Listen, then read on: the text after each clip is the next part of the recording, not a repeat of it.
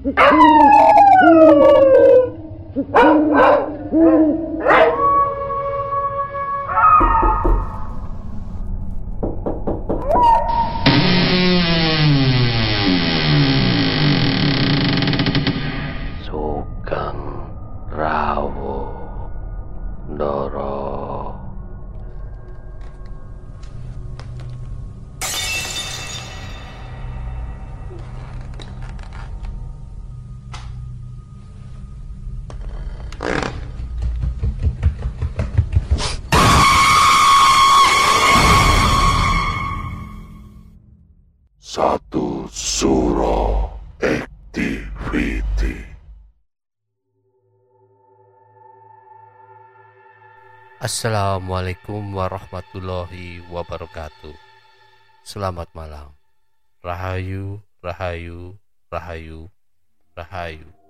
Para pendengar satu suro activity. Saya Andi Putro.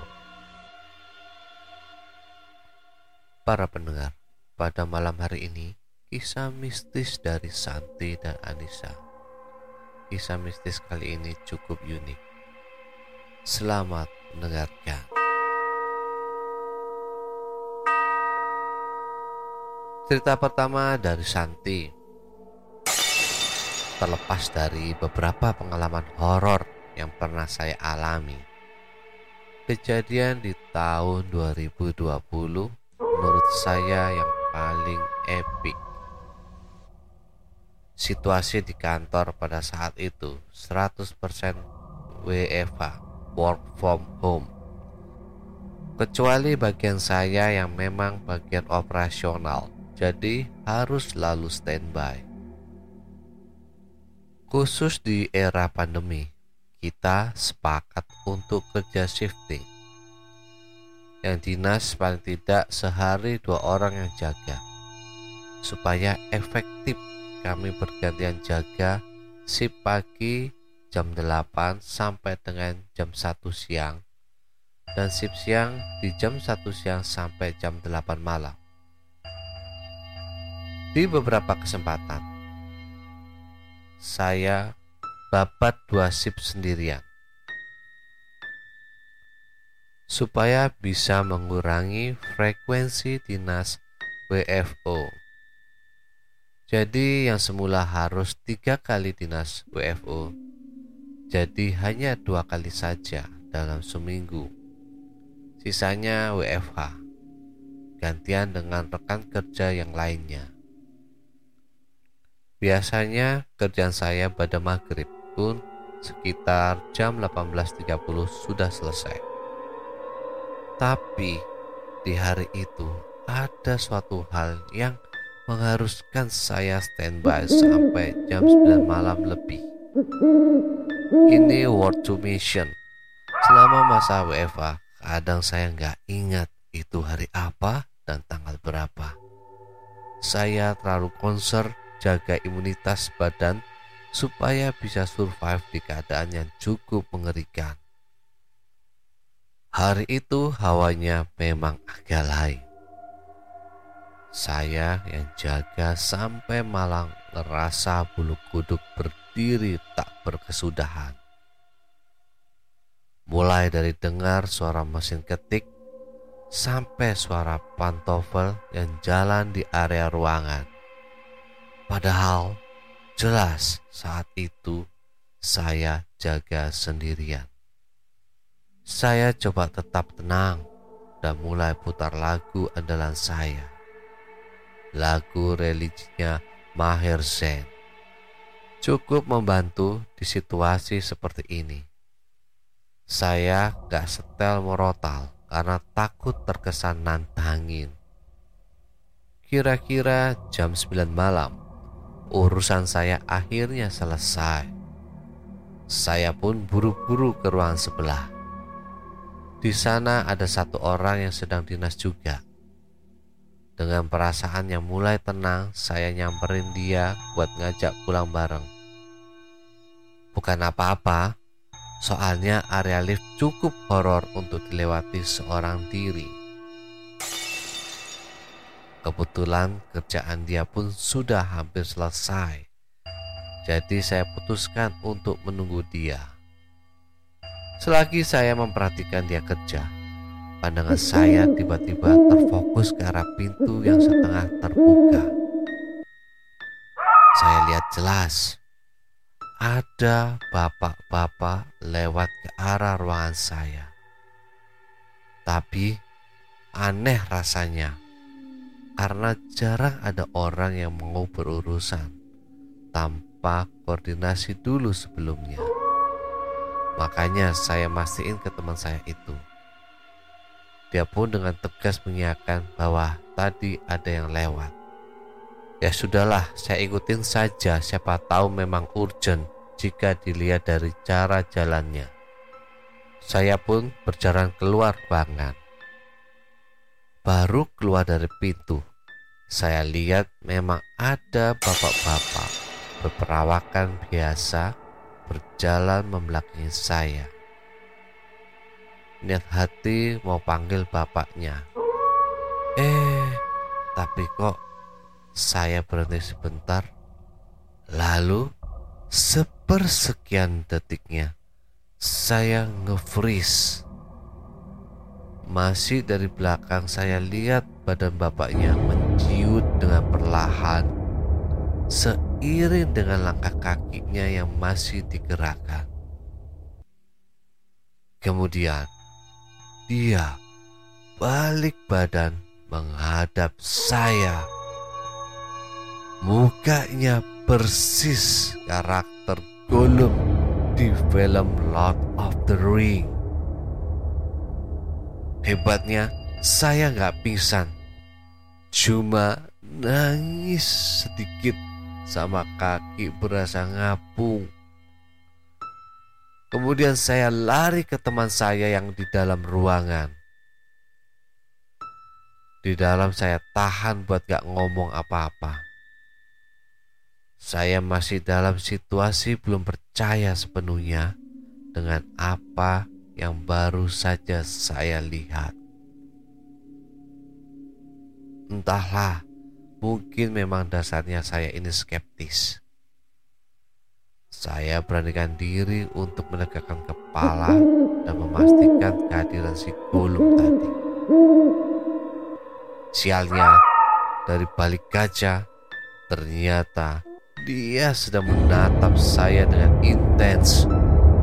Matanya yang bulat besar dan hitam, seluruhnya itu perlahan menyipit seakan menantang saya. Astaga, sepertinya saya mulai yakin. Rasa-rasanya saya kehilangan banyak energi saat itu. Saya paksa teman saya ini pulang. Pas keluar berdua dari ruangan. Udah nggak ada apa-apa, tapi memang situasinya masih mencekam. Pas begitu sampai di lobi, saya benar-benar lemas dan mutusin buat duduk dulu sebelum pulang. Baru di situ saya bercerita. Teman saya ikutan nge-freeze. Saya bilang ke dia, kalau saya sebetulnya sedang haid. Nah, ternyata dari awal pas saya samperin dia, dia bilang aura saya sudah beda. Seperti ada perempuan yang ngikutin saya. Lah malah ditambahin ya. Saya pulang ke rumah, terus mandi. Lalu cek tanggal, ternyata pas malam Jumat Kliwon. Sempurna. Meski sudah di rumah, perasaan gak nyaman tetap ada. Gelisah, tremor, tiap kali ingat tatapan mata hitam si Golum. Lalu sakit selama hampir satu minggu. Sepertinya energi saya benar-benar kalah. Pas leader saya tanya, saya ceritakan semuanya. Setelah itu saya nggak dikasih dinas sendiri lagi. Sampai sekarang kalau lewat di tempat yang sama, kadang masih takut dan muncul perasaan gelisah yang hampir sama juga. Sungguh epik memang. itu mungkin bisa masuk nominasi adu energi dengan makhluk astral terbaik. Bagaimanapun saya percaya bahwa sayalah pemenangnya. Karena sejatinya manusia adalah makhluk ciptaan Tuhan yang paling sempurna. Saya akan membacakan kisah yang kedua dari Anissa Fitri. Cerita ini juga cukup unik menurut saya. Waktu itu kami baru pulang dari Ragunan. Saya, suami, anak saya, mertua, ipar, dan keponakan-keponakan saya sampai di rumah sekitar pukul 17.30.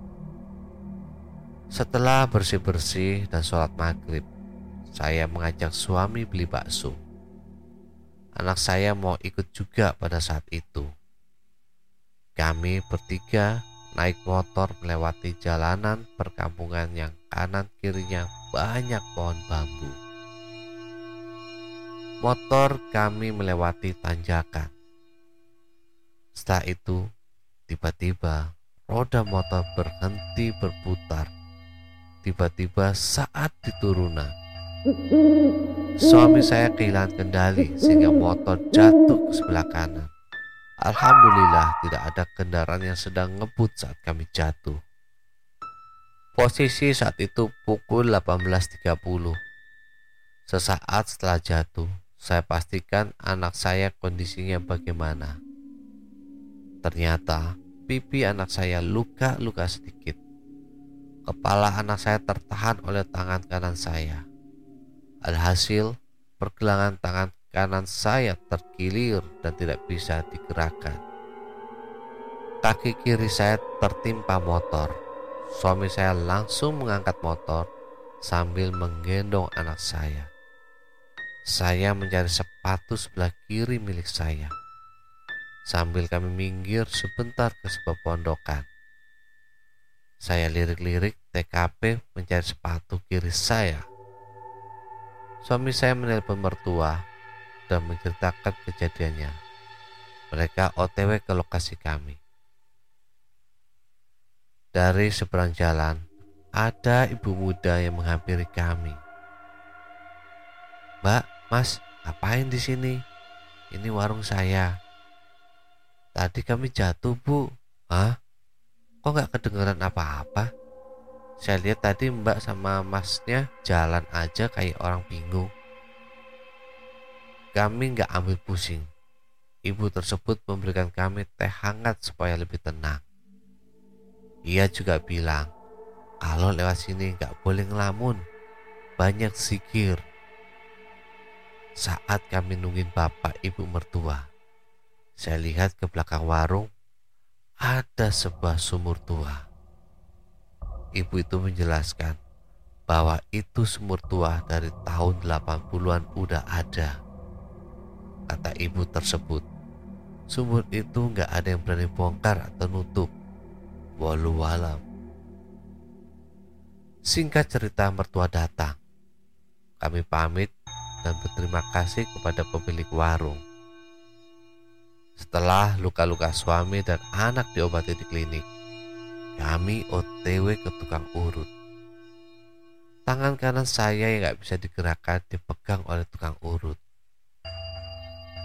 Ibu tukang urut gak berani handle karena ada pergeseran sendi.